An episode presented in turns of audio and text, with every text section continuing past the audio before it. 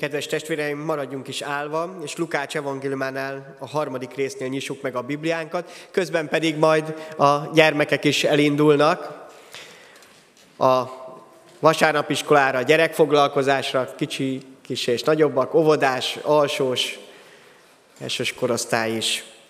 Mi pedig Lukács evangéliumnának a harmadik részéhez lapozva az első verstől a huszadik versig olvassuk majd Istenünk igéjét. Lukács evangélium a harmadik rész első versétől. Tibérius császár uralkodásának 15. évében, amikor Judea helytartója Poncius Pilátus volt, Galilea negyedes fejedelme Heródes, Itúrea és Trakonitis tartományának negyedes fejedelme Heródes testvére Fülöp, Abiléné negyedes fejedelme pedig Liszániász volt. Annás és Kajafás főpapok idején szólt az úr Jánoshoz, Zakariás fiához a pusztában. Ő pedig bejárta a Jordán egész környékét, és hirdette a megtérés kerességét, vagyis bemerítését, a bűnök bocsánatára. Ahogyan megvan írva Ézsajás profita beszédeinek könyvében, kiáltó szava hangzik a pusztában, készítsétek az Úr útját, egyengessétek ösvényeit. Minden völgyet töltsetek föl, minden hegyet és halmot hordjatok el, legyen a görbe út egyenesé, a göröngyös simává. És meglátja minden halandó az Isten szabadítását. A sokaságnak tehát, amely kiment hozzá, hogy megkeresztelkedjék, vagyis bemerítkezzék, ezt mondta. Ti viperafajzattok, kifigyelmeztetett titeket, hogy meneküljetek az eljövendő harag elől. Teremjetek hát megtéréshez méltó gyümölcsöket, és ne kezdjétek azt mondogatni magatokban, a mi atyánk Ábrahám. Mert mondom nektek, hogy Isten ezekből a kövekből is tud fiakat támasztani Ábrahámnak. Fejsze pedig már a fák gyökerén van, ezért minden fa, amely nem terem jó gyümölcsöt, kivágatik és tűzre vettetik. A sokaság pedig megkérdezte tőle, akkor hát mit tegyünk? János így válaszolt nekik, akinek két ruhája van, adjon annak, akinek nincs és akinek van ennivalója, hasonlóan cselekedjék. Vámszedők is mentek hozzá, hogy keresztelje meg, vagyis merítse be őket. Ezek szintén megkérdezték tőle, Mester, mit tegyünk? Nekik ezt mondta, semmivel se hajtsatok be többet a megszabottnál. Megkérdezték tőle a katonák is, mi pedig mit tegyünk? Nekik ezt felte, senkit ne bántalmazzatok, senkit meg ne zsaroljatok, hanem elégedjetek meg a zsoldototokkal. Mivel a nép reménykedve várakozott, és a szívükben mond, azt fontolgatták, vajon nem János-e a Krisztus? János így válaszolt mindenkinek, én vízzel keresztellek titeket, vagyis merítlek be. De eljön az, aki erősebb nálam, és én arra sem vagyok méltó, hogy sarúja szíját megoldjam. Ő majd szent lélekkel és tűzzel keresztel meg, vagyis szent lélekben és tűzben merít be titeket. Kezében szórólapát lesz, és megtisztítja szérűjét, csűrébe hordja gabonáját, pejvát pedig megégeti oldhatatlan tűzzel. Sok másra is buzdította őket, és hirdette az evangéliumot a népnek. Amikor pedig megtekint, megintette Heródes negyedes fejedelmet Heródiásért, a testvére feleségért, és minden gonosz tettért, Heródes mindezt még azzal tetézte, hogy börtönbe csukatta Jánost. Mennyi atyánk, kérünk arra téged, hogy taníts bennünket most is, a szent lelked által, akit elküldtél Jézus Krisztus által. Most is arra kérünk, hogy tőled legyen igazi tanításunk. Az Úr Jézus Krisztus nevében. Amen. Foglaljunk helyet, kedves testvéreim! Ha vártuk, hanem beköszöntött az új év, ez az, amire hatással nem vagyunk, hogy mikor és hogyan tör majd ránk, Igazából egy emberi elhatározás az, hogy hova tesszük az év kezdetét. A Bibliából is látjuk azt, hogy ez nem mindig ugyanakkor volt. Többször olvashatjuk az Isten igébe, hogy tavasszal kezdődött például az új év, a mi márciusunk idejében, vagy a március elején, aztán még a Bibliában látszik, hogy volt egy másik időszámítás, ami pont ellenkező őszre tette az évnek a kezdetét. Mi most már nagyon régóta megszoktuk, hogy január 1 van az új év, itt kezdődött egy új év, ami összefog mindegyiket, hogy ugyanúgy egy évről beszélünk, és ugyanúgy egy újabb szakaszról. És ez, ez már nem annyira emberi, hiszen Isten teremtéséntől kezdve van az éveknek, az évszakoknak a váltakozása, mérjük az emberi életet is, és ez mind az Istentől van. Azt olvassuk, hogy ő teremtette az egész világot, így a napot, a csillagokat, a bolygókat, hogy ezek segítsenek bennünket ebben el igazodni. De itt a Földön kell élnünk. Mit tegyünk, ahogy Jánosnak, bemerítő Jánosnak is föltették a kérdést, hogyan éljük, hogyan éljünk ebben az új esztendőben, 2022 még nem tudjuk, hogy pontosan mit hoz. Lehet, hogy vannak már terveink, vágyaink, reménységeink, amik, amik ott vannak a szívünkben, de hogy pontosan mi lesz, az még, még előttünk áll.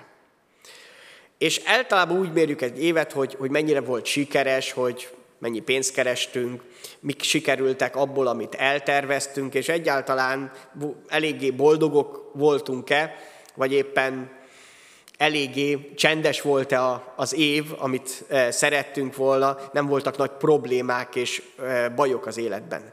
Ez az emberi oldala ennek. De mi van akkor, hogyha ugyanezt az Isten, a mennyei atya szemével nézhetnénk? És ez azért fontos számunkra, mert Jézus Krisztus arra kezdett el tanítani bennünket, hogy kezdjünk el így is gondolkodni. Az imádságunk is szóljon erről, hogy legyen meg a te akarodod, amint a mennyben, úgy a földön is. Vagyis ne csak innen lentről nézzük a dolgokat, és legyünk néha nagyon reménytelenek és elkeseredettek, hanem segítsen meg a jó atya bennünket, hogy felemelkedjünk a lélekben a felhők, a nehézségek fölé, és meglássunk valamit abból, amit az Isten elkészített. A Biblia utolsó könyve, a jelenések könyve valahogy erről is szól, hogy János, már nem bemerítő János, hanem Jézus tanítványa, megkapta ezt a lehetőséget, hogy betekintett a mennybe. És igazából itt a Földön nem mindenki kapja meg ezt a lehetőséget, hogy betekintsünk a mennybe, de mindegyikünknek eljön az ideje, hogy ott legyünk, ha elfogadjuk azt az ajándékot, amit Isten készített el számunkra. Viszont kaptunk Istentől igét, Bibliát, üzenetet, az ő szavát, az ő igéjét, ami már most megengedi számunkra, és most biztosítja azt számunkra, hogy felülről is lássuk az életünket. Hogy mik az igazán fontosak Isten országából nézve. És ha így nézed, nem tudod, hogy még mi vár rád 2022-ben, de egy biztos, hogy ez a te éved lesz. És ez nem egy egyszerű biztatás. Ezt a mennyben találták, a mennyben döntöttek így, hogy ez a te éved lesz. Arra adatott ez az év, hogy Isten üzenetét, szeretetét, az ő jó akaratát átélhest, és élhess is vele. Hogy a gondolataid, a szíved tele lehessen az ő szeretetével, az ő üzenetével, és az ő igazságával is, és hogy a tetteid is ezekből fakadjanak. Ez a te éved. Ne mondj le magadról, hogy olyan gyenge, erőtlen, annyira nincsenek előtted reményteljes dolgok. Semmi nagy dologra talán még nem is vágysz. Az Isten viszont biztos, hogy szeretne téged használni. Ezt ő döntött el. Ez nem attól függ, hogy én mondom-e vagy sem, nem, még csak az sem, hogy hallod-e vagy sem, ezt ő döntötte így el. Hogy ez az év, mivel itt élsz a Földön, biztos, hogy a te éved. Biztos, hogy Isten szeretne téged ebben az évben is nem csak eszközként használni, néha ezt is használjuk, és ez is igaz mert Isten szolgái is vagyunk, hanem mint gyermekét megáldani, és az ő családjában megtanítani arra, hogy mit jelent az ő családjában élni. Ahhoz méltóan, és annak a szokásai alapján, annak az örömében. Hogy miközben itt a Földön boldogulunk, a földi családunkban is, már élvezhessük azt, hogy az Isten családjához tartozunk Jézus Krisztusban, akinek mind nem sokára megköszönjük ezt. Hálát mondunk neki, hogy ezt valóságát tette az életünkben. Ez a te éved. Független attól, mit gondolsz erről. A mennyből nézve ez a te éved. Még a te éved. Vagy az az év, amelyet Isten meg akar áldani, hogy az ő jelenléte, az ő szava, az ő szeretete valósággal ott legyen benne. És ezért van feladatunk. Mit tegyünk? Vannak dolgok is, amit megtehetünk, amit biztos, hogy tudhatjuk, hogy, hogy az Isten ott lesz benne. Írd le! Írd le, mind ahogyan látható volt, hogy Lukács nagyon pontosan leírta még az időzítést is, hogy mikor történt az, hogy bemerítő János elkezdett szolgálni. Pedig akkor alig tudtak róla az akkori világból. Csak akik a környéken éltek, Jeruzsálemben, Júdeában, ők hallottak róla. Mégis teljesen pontosan és precízen behatárolta időben is azt, hogy mindez mikor kezdődött. Azért annyira fontos volt. Írd le, mit szól, mit szólt hozzád az Úr. Ne vesszen el egyetlen egy ige sem, üzenet sem, ígéret sem, amit ő mond neked. Bátran fed, ma már annyi lehetőségünk van. Nem csak papírra vethetjük ezt, ha bár azt hiszem sokan még szeretjük ezt megtenni, de beleírhatjuk a, a számítógépbe, a mobiltelefonunkba. Írd le, vedd úgymond a fáradtságot arra. Hogyha az Isten szól hozzád, akkor már te is megtedd azt, hogy legalább leírod. Hogy ne vesszen el, hanem mindez megmaradjon. És azt is veled, hogy mit tett veled. Lesznek harcaink, lesznek nehézségeink, lesznek imádságaink, és lesznek győzelmeink. Írd le, hogyan segített az Úr, mit üzent. A Mózes második könyve 17. részének 14. versében egy ilyen győzelem után, egy ilyen harc után ezt mondja az Úr Mózesnek. Egy ellenséges néppel, Amálekkel harcoltak. Ez volt az, amikor Mózesnek Áron és Húr tartotta a kezét, miközben Józsué harcolt. Ő neki kellett a fegyverrel küzdenie, és azt mondja, hogy írd meg ezt a dolgot emlékeztetőül egy könyvben. És vész Józsué emlékezetében, hogy Amáleknek az emlékét is eltartom az ég alatt. Mert el lehet felejteni. Józsué harcolt, átélte a harcot, átélte azt, hogy mit jelent, hogy amikor Mózes imádkozó keze fönt volt, akkor győzelem volt a következménye. Átélte ezt, pontosan tudta, és úgy tűnik, hogy el lehet felejteni. El lehet azt felejteni, amit az Isten tett értünk. Azokat a nagy dolgokat is, és azt mondja, ír le, hogy emlékeztető legyen Józsuénak is. Pedig ő átélte. Azzal, hogy átéljük, az egy első lépés. De emlékezetünkbe is kell vésni mindezt, hogy pont amikor a kísértések jönnek, akkor is világos legyen, hogy az Úr velem van. Nem hagyott el. Ott volt a harcaimban és a csatáimban. Ott volt az imádságaimban, ő segített, és ha kellett, embereket rendelt mellém, mert, mint Mózes mellé Áront és Húrt. Illetve hát Józsué az, aki harcolt, közben pedig Mózesék imádkoztak. Írd le a harcaidat, a győzelmeidet, azokat az imádságokat, amiket az Isten elé viszted.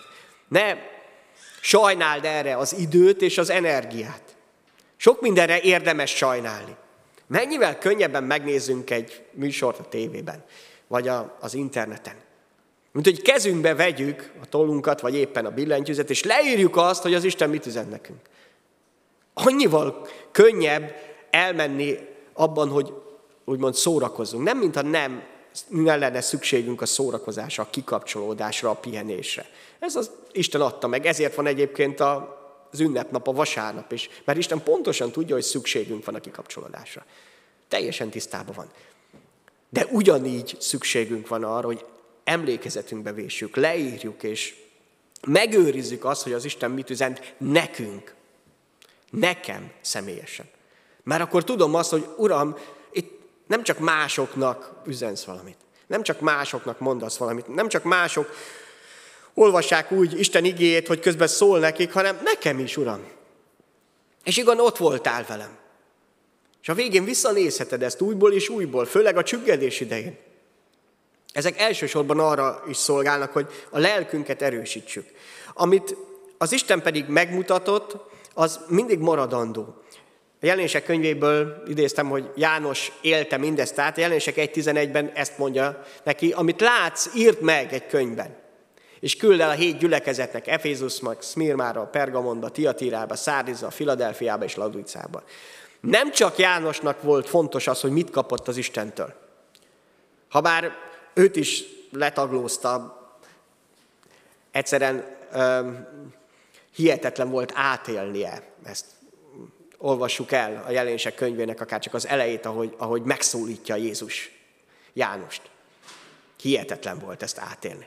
De nem csak önmagáért kapta ezeket az üzeneteket, hanem másokért. Azért, hogy másokat erősítsen, bátorítson, az igazsággal szembesítsen, hogy segítsen nekik, ha kell megtérni, ha kell megerősödni azon az úton, amelyen járnak. Amit az Isten megmutat neked, azt nem csak önmagadért teszi, a te erősítésedre, hanem másokért is. Mert az maradandó. Az én beszédem az elszáll. De az Isten igéje az megmarad mindörökké. És igen, írd le azt is, hogy mi okozott boldogságot. Mi az, amit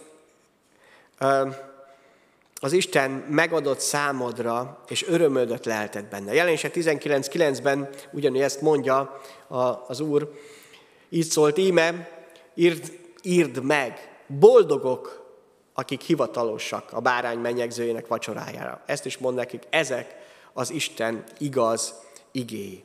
Boldogok, akik hivatalosak a bárány mennyegzőjének vacsorájára. Az úrvacsorában erre emlékezünk, hogy Jézus meghívott bennünket erre az ünnepségre. Erre a mennyei ünnepségre.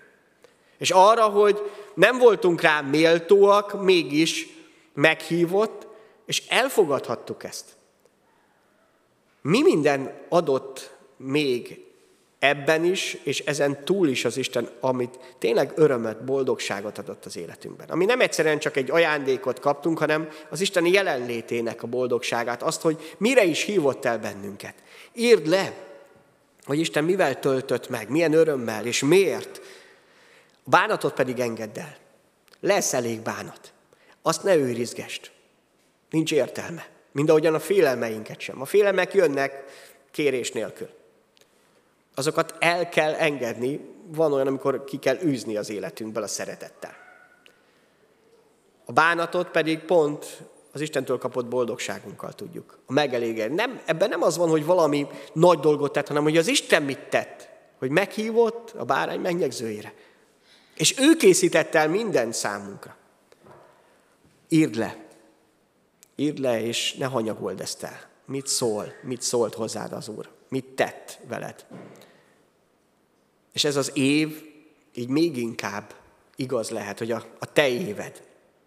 Azt látjuk, hogy bemerítő János komolyan készült az ő szolgálatára. Komolyan készült arra az időre, amikor el kell indulni. Még nem tudta, hogy pontosan mi lesz. Nem a családjában, hanem a pusztában. Úgyhogy Isten tanította őt. Mit bízott rád az Úr 2022-ben? Mit kell tenned? Lehet, hogy már vannak ilyen ötleteid. Egy biztos, hogy a kapcsolataidat Isten meg szeretné áldani. Egy biztos, hogy a családodat rád bízta, azért adta. Ezt nem kell külön megkérdezni. Vagy hát igazából már a teremtéstől kezdve így rendezte az Úr. Hogy a családodban te légy mindenképp, akár másokkal, és az a legjobb, hogyha minél többekkel együtt, azok, akik aki hordozod a többieket az Isten elé, imádkozol értük. A Lukács 3.3-ba, vagy tehát ebben, amit látunk, azt mondja, hogy János elindult és hirdette Jordán egész környéken a megtérés kerességét a bűnök bocsánatára. Honnan tudta ezt?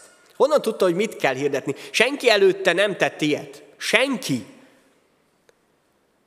A bemerítés benne kezdődött el. Voltak másfajta tisztulási szertartások a zsidóknál, de ezt, amit ő tett, senki más nem tette. Honnan tudta? Ha nem az Istentől. Egyértelmű volt az, amikor Jézus megjelent az Isten fia, az bizonyosá vált, hogy mindezt János az Istentől kapta. Azért, mert felkészült rá. És az Isten felkészítette erre, mert az Istentől kapta, nem emberi okoskodás volt benne. Nem úgy tette, ahogyan ő akarta, hanem úgy, ahogyan az Isten rábízta. Nagyon fontos, hogy tényleg megértsük, hogy Isten mire hívott el. A családunkban, a munkahelyünkön. Mindenhol vagyunk, nem ki kell mennünk a világból, azt mondja az Úr, hanem hogy itt akar megtartani bennünket. Akár néha úgy is, ha úgy érezzük, és ez valóság lehet, hogy mint bárányok vagyunk a farkasok között. Maga Jézus mondja ezt a hasonlatot.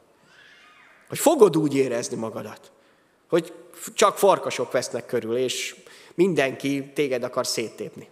Rád ö, ö, hegyezi a fogát. És hát egy bárány csak akkor képes a farkasok között megállni, ha ott van vele a pásztor. Mert ő meg fogja védeni. Jézus nem azt akarja, hogy magadat véd meg. Egy bárány nem fogja tudni megvédeni magát farkasokkal szemben. Nem is kell, hogy megtudja. Egy báránynak az a fontos, hogy a pásztora mellett legyen. Akkor jó helyen van. Majd a pásztor megvédi.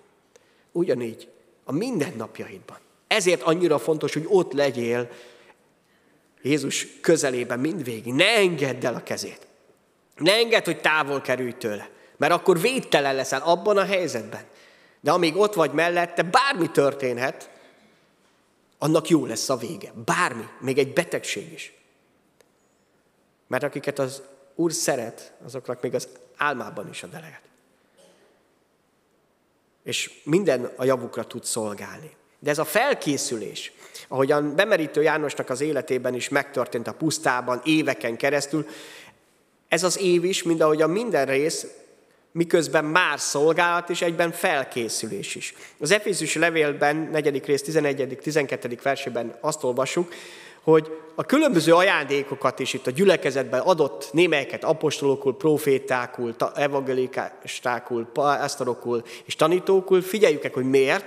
Azt mondja, hogy felkészítse a szenteket a szolgálat végzésére, a Krisztus testének építésére. És a legtöbbször úgy gondolkodunk, hogy a lelkipásztor, a tanító, azok, akik különböző szolgálatokat végeznek a, a gyülekezet, na ők szolgálnak. Ők azok valamit tesznek. Az igen meg azt mondja, hogy ez nem így van. Szolgálni a gyülekezet szolgál. Te szolgálsz. Az teljes életeddel. A lelkipásztor, a tanítók, a vezetők, mindazok, akik szolgálnak, azért vannak, hogy ebben a felkészülésben segítsen. Nem ők szolgálnak, legfeljebb neked szolgálnak ezzel, hogy segítsenek ebben a felkészülésben. Nem helyetted tesznek meg valamilyen szolgálatot. Legtöbbször úgy várnánk, olyan szívesen átadjuk a mi szolgálatunkat másoknak, csak nem lehet. Sem majd az Isten előtt egyszer, hogy hát ott azt mondanak, hát, de hát én úgy gondoltam majd, hogy a lelkipásztor elvégzi azt, amit egyébként Isten nem rám bízta. Majd úgy gondoltam, hogy a vezetők vagy, akik lelkileg erősebbek, de hát Isten rád bízta. Ezt nem adhatod át másnak, nem tudod másnak átadni. Erre készít akár a gyülekezeti közösség, akár egy istentisztelet is, az is, amikor leülsz Bibliát olvasni, vagy másokkal együtt imádkozol. A szolgálatodra, a szolgálat végzed, azt teszt végzed. A szentek. Az, akit Isten elkülönített önmagának, ez a szentségnek az alapja. Krisztus testének az építésére. Ne kerüld ki, ne kerüld el azt, amit Isten neked készített ebbe az évbe, hogy ez az év a te éved legyen. Az a szolgálatot, amit neked készített, az pedig tölts be. Készülj rá, készülj fel rá, úgy, ahogy Isten szeretné az ő igével, tanításokkal, mindennel. Ezek nem csak azért vannak, hogy legyenek, hogy elmondhast, hogy voltál egy Isten tiszteleten, és milyen jól éreztem magam, vagy éppen ellenkezőleg kevésbé éreztem. Nem ezért jövünk, azért, hogy felkészüljünk arra a szolgálatra, amit az Isten ránk bízott. Hogy megerősödjünk, és bizonyosságunk legyen erről. Mert nem itt szolgálunk egyszerűen a gyülekezetben, hanem az egész életünkkel. És igen, ez egy hitlépést igényelt. Mind ahogyan bemerítő János életében. Kiállni és elkezdeni azt mondani, hogy térjetek meg olyan embereknek, akik úgy gondolták magukról, hogy ők templomba járó emberek, Ábrahám leszármazottjai, őket Isten kiválasztotta, ők, ők rendben vannak. Ők járnak templomba, áldoznak, imádkoznak, adakoznak, minden rendben van az életükben, és kiállni nekik azt mondani, hogy hát meg kéne változtatni az életeteket. Meg kéne térnetek végre az Istenhez. El kéne hagyni azokat a gonosz dolgokat, amelyek ott vannak a szívetekben. Nagyon kemény dolog, egy hit lépés volt Jánostól, hogy ezt megtegye, egészen addig, hogy belehalt ebbe. Ő ezt vállalta. Nem volt könnyű neki, és olvassuk, ö, olvasunk erről. Lukács Evangélium 5. rész 5. versében egy másik hitlépést olvasunk, amit talán még jobban segített abban, hogy mi is merjünk lépni. Simon Péterről van szó, amikor hogy először szembesült Jézus hatalmával egy tanítás után, ő éppen egy éjszakai műszakból érkezett meg a, a csapatával együtt, ugye a, a családi vállalkozása volt a, a halászat, azt mondja, hogy Mester, egész éjszaka fáradtunk ugyan, és semmit sem fogtunk, de a te szavadra mégis kivetem a hálókat. Na ez a hitlépés. Amikor nekem van egy elképzelésem az életről, tudom, hogy hogy kéne élni, tudom, hogy hogy kell halászni, mikor lehet halászni, meg egyáltalán hogyan kell az életet élni, de az Isten szavára mégis valami olyat teszek, ami számomra nem biztos, hogy logikus, nem biztos, hogy az következne, de a te szavadra, Uram, mégis. És hát a történet folytatása az, hogy csodálatos halfogás lett, ami később Jézus feltámadása után még egyszer átélhetett eh, Péter. Ez a hitlépés. Amikor merem az Istent tenni az első helyre, és azt mondja, hogy Uram, amit Te mondasz. Nagyszerű dolgok történhetnek. Mind ahogyan Péter. Hol álmodott Péter arról, hogy ő emberhalász lesz majd? Világ életében arra készült, hogy ő egy nagyon jó halász legyen. Ezt tanulta. Ebbe volt a legügyesebb, ebbe volt mester. Ki gondolta volna, hogy ő egyszer majd egy egészen más dologba fog lenni, akkor tanító lesz majd, apostol. El se tudta ezt képzelni, a gondolatai között nem lehetett, mert nem is volt ilyen előtte. Mégis annyira szűken merjük azt megtenni, hogy Istennek átadjuk a lehetőséget, hogy amit ő eltervezett, az megvalósuljon. És az lehet, hogy messze túlszárnyalja azt, amit te el tudsz képzelni. Sőt, eszedbe se jut az, amit az Isten már rég kitalált veled kapcsolatban, amit meg is tud valósítani, ha átadod magadat, ha megteszed ezeket az egyszerű hitlépéseket. Hogy amit ő mond, azt fogom szavadra. Te szavadra mégis, Uram. És amikor tudhatom, hogy az Isten igéje mindennél fontosabb, hogy ismerni Isten igéjét.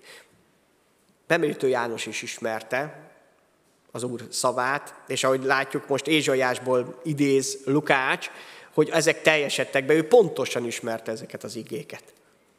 A Józsué könyvének az első részében, az első rész nyolcadik versben ezt olvassuk, ezt a biztatást Józsué fele. Ne hagyd abba ennek a törvénykönyvnek az olvasását, hanem tanulmányozd éjjel-nappal, őrizd meg és tartsd meg mindazt, ami ebben meg van írva, akkor sikerrel jársz minden utadon és boldogulsz.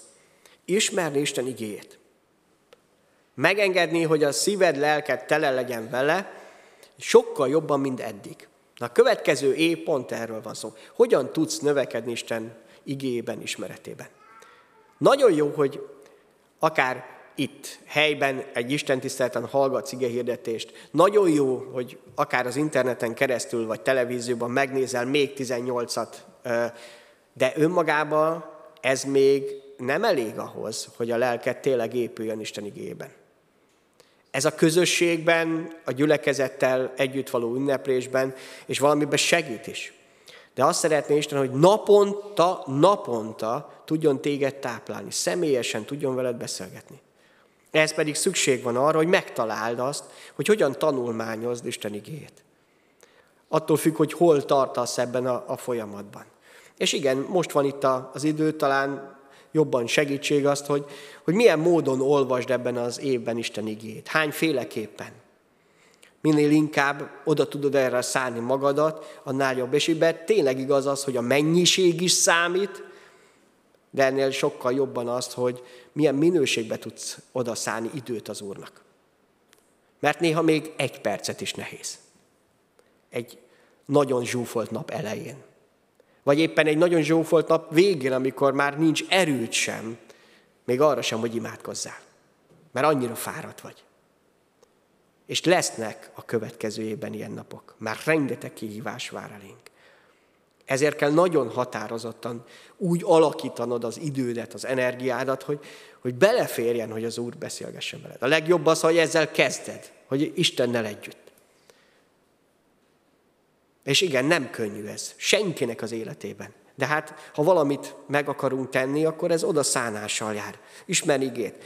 És hát az új év reménységei az, amit Bemrétő János mond, hogy egyenes utak lesznek. Istennek az egyenes útjai.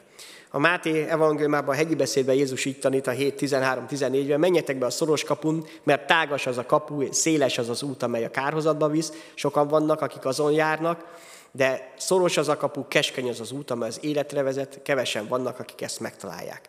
Hát az egyeneset így is lehet érteni. A széles úton nagyon össze-vissza lehet járni. Lehet erre is, arra is kacskaringa, amerre éppen szeretnél. Mert elég széles hozzá. A keskeny úton viszont csak úgymond egyenesen lehet menni. Nem lehet letérni róla könnyen balra-jobbra, az csak az az út, ami előtted áll. Az Isten igéje, ami vezet bennünket a menny felé, az pontosan egy ilyen út. Ami nem különböző elképzelések alapján van, hanem az Isten találta ki. Az ő vezetése alapján. Ezek az Isten egyenes útjai, és van ilyen nagyon egyszerű dolog, ilyen a megtérés is, amit hirdetett bemerítő János. Vagyis azt, hogy elfordulok a saját elképzeléseimtől, és odafordulok az Istenhez.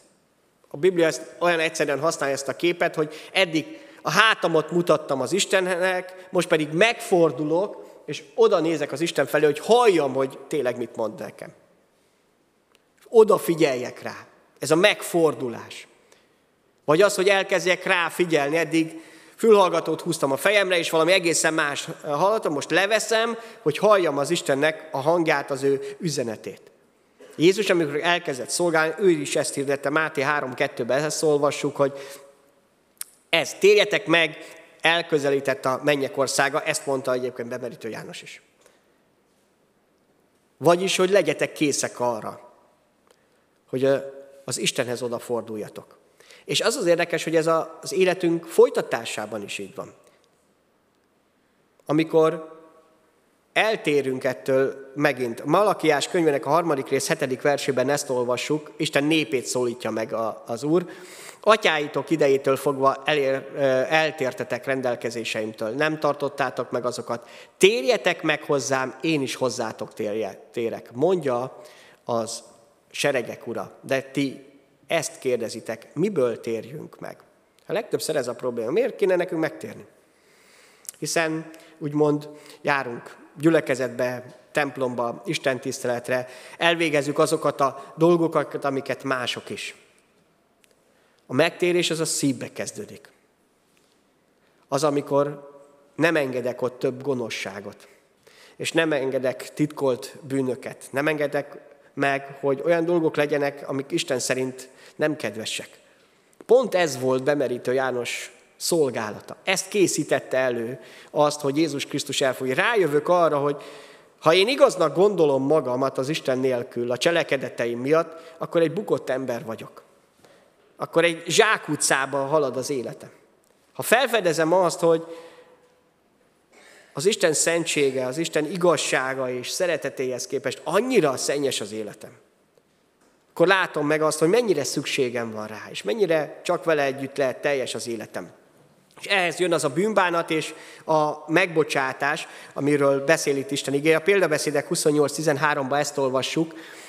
Aki takargatja védkeit, annak nem lesz jó vége, aki pedig megvallja és elhagyja, az irgalmat nyer. Hogy ne takargassam többé a védkeimet. Ne próbáljam úgy tenni, mintha nem lennének ott. Mintha azok ö, nem bántanák az Istent.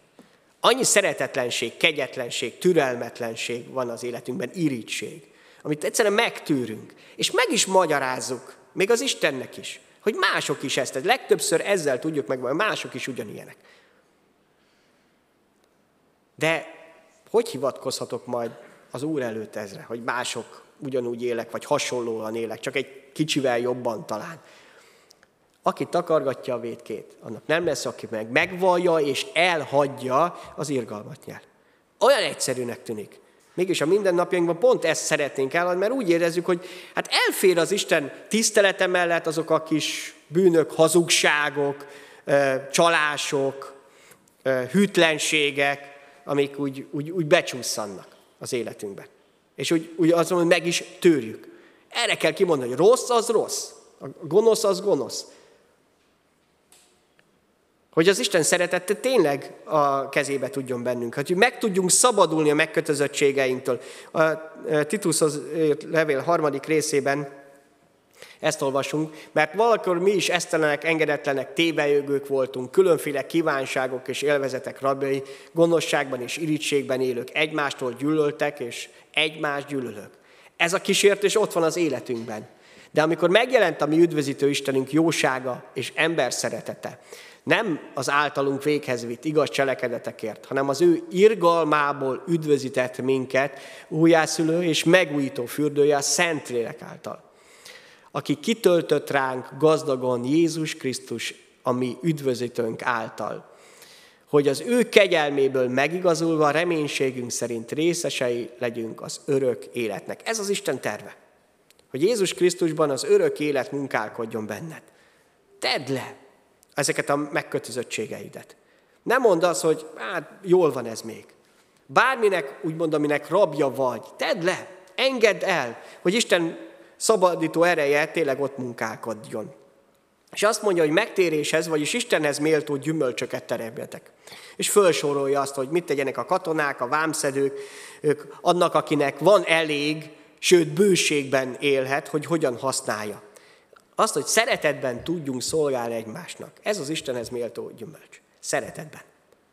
Nem kényszeredve, nem úgy, hogy másik hogy na, fogcsikorgatva talán valamit segített, hanem örömödben, szeretet örömében.